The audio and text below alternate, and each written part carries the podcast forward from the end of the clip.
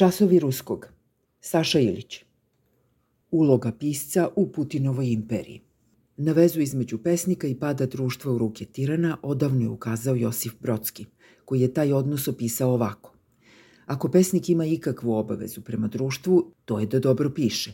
Društvo, s druge strane, nema nikakvu obavezu prema pesniku. Nečitanje, međutim, rezultira propadanjem društva do onog nivoa kada lako pada u kanđe demagoga ili tiranina. To je ekvivalent društva zaboravu. Tiranin naravno može da pokuša da spase svoje podanike nekim spektakularnim krvoprolićem. Međutim, pesnici danas hrle u zagrljaj tirana i daju im legitimitet svojim pevanjem i mišljenjem. Čemu onda još ta stara priča o pesnicima i tiranima ako je došlo do redefinisanja njihovog odnosa za poslednjih četvrt veka koliko je prošlo od smrti Brodskog?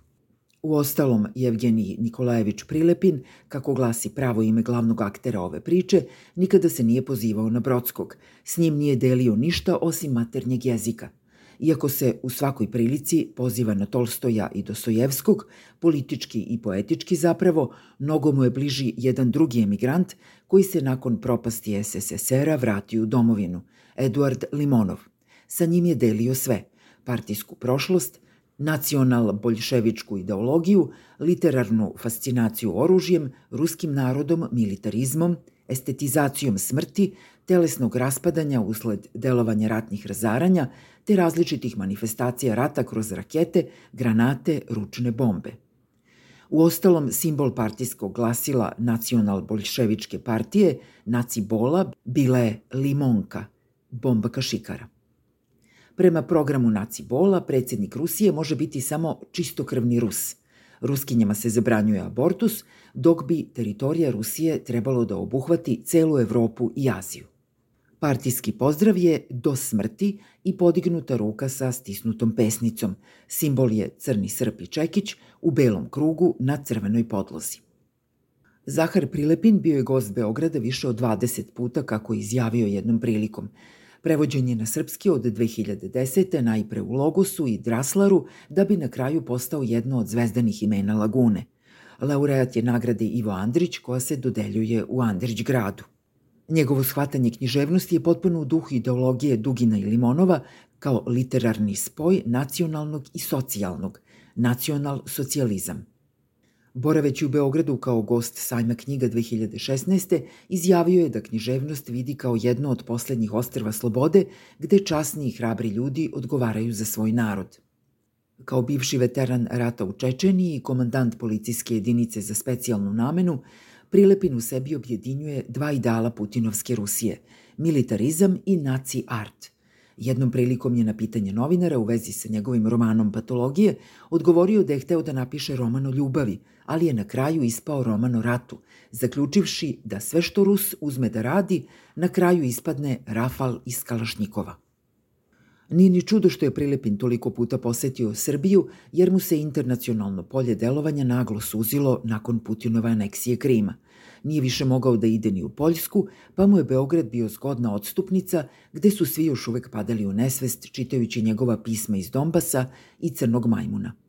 Inače, bilo je to vreme potpunog programskog integrisanja Prilepinove stranke Pravedna Rusija za istinu, čiji je potpredsednik sa Putinovom jedinstvenom Rusijom. Od početka ruske invazije na Ukrajinu Prilepin i njegova stranka pojačali su rad na propagandi i predlaganju zakonskih mera protiv građana i umetnika sa antiputinovskim stavom. Tako je usledio udar na Gogulj centar, bivši Gogulj teatar u Moskvi, čija je poslednja predstava Ja ne učestvujem u ratu, izvedena u oči početka Putinove specijalne vojne operacije, proglašena skandaloznim antiruskim performansom. Gogolj centar je sankcionisan, dok je režiser Kiril Serebrenikov morao da emigrira iz zemlje.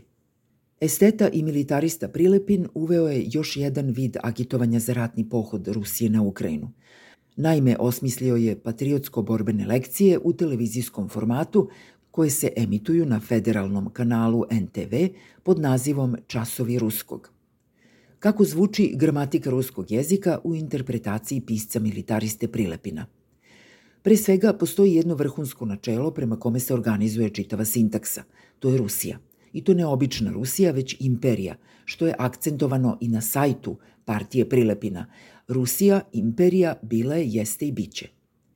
U ovoj krilatici, preuzetoj iz pravoslavnog obreda, Rusija stoji umesto Hrista, čime se pojednostavljeno sugeriše značaj i veličina onog za šta se ratuje.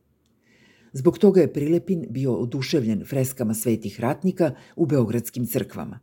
Nimalo slučajno je te 2017. godine najavio veliku promenu sveta za pet godina. Mislio je upravo na 2022. jer je svakako bio upoznat sa dugoročnim planovima Vladimira Vladimirovića. Za pet godina živećemo u drugačijem svetu, najavio je tom prilikom Prilepin. I zaista, Život se od početka ruske agresije drastično promenio, a on sam je preuzeo ulogu mesijanskog vesnika smrti u Ukrajini. Svaki čas ruskog počinje tako što Prilepin u civilu ili maskernoj uniformi ulazi u improvizovanu učionicu, dolazi do katedre, osloni se blago na nju i počne da ispaljuje militarističke fraze. Mi jesmo za mir, ali tek posle ruske pobede u Ukrajini. Predsednik Putin mora da nastavi sa mobilizacijom – Donbas mora da se vrati Rusiji. Sa povećanjem akumulacije smrti u Ukrajini smanjuje se ukrajinska državnost. Ja sam solidaran, ali samo sa svojim mrtvima. Iza mene stoje Tolstoj i Dostojevski, Bog i ruski narod. Kultura ne sme da bude protiv svog naroda. Rat u Ukrajini je borba između laži i originala. Ruski vojnici u Ukrajini su sreća i so moje zemlje.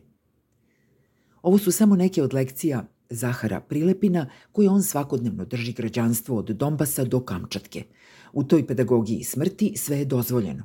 Podmetanje, prozivanje, krivotvorenje. Najvažnija lekcija je ona o imperativu ubijanja u Ukrajini. Ono što je započeto, poručuje Prilepin, mora da se završi. On veruje da Ukrajinci, zbog kazni koje je propisala tamošnja vlast za saradnju sa Rusima, ne smeju da se raduju dolasku osvajača iz Moskve.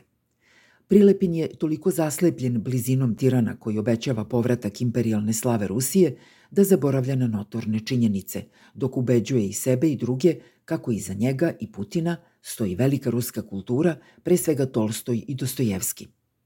Naime, ista ta imperija kojom su fascinirani Prilepini i Dugini svojevremeno izvela Dostojevskog na gubilište i potom ga poslala u izgranstvo, dok je Ruska pravoslavna crkva anatemisala Lava Nikolajevića Tolstoja – Oni nisu stajali uz skute tirana.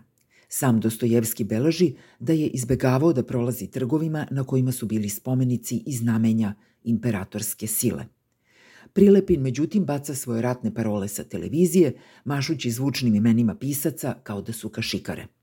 Usled duboke fascinacije društva militarizmom i slavom prošlih vekova, ono zaista ne čita više književnost, već one autore koje joj putinovska propaganda servira kao moderne klasike. Otuda i prepoznavanje jedinog rešenja u spektakularnom krvoproliću u Ukrajini, koje je Prilepin toliko puta do sada, podržavajući program svog tiranina, demonstrirao u svojim knjigama.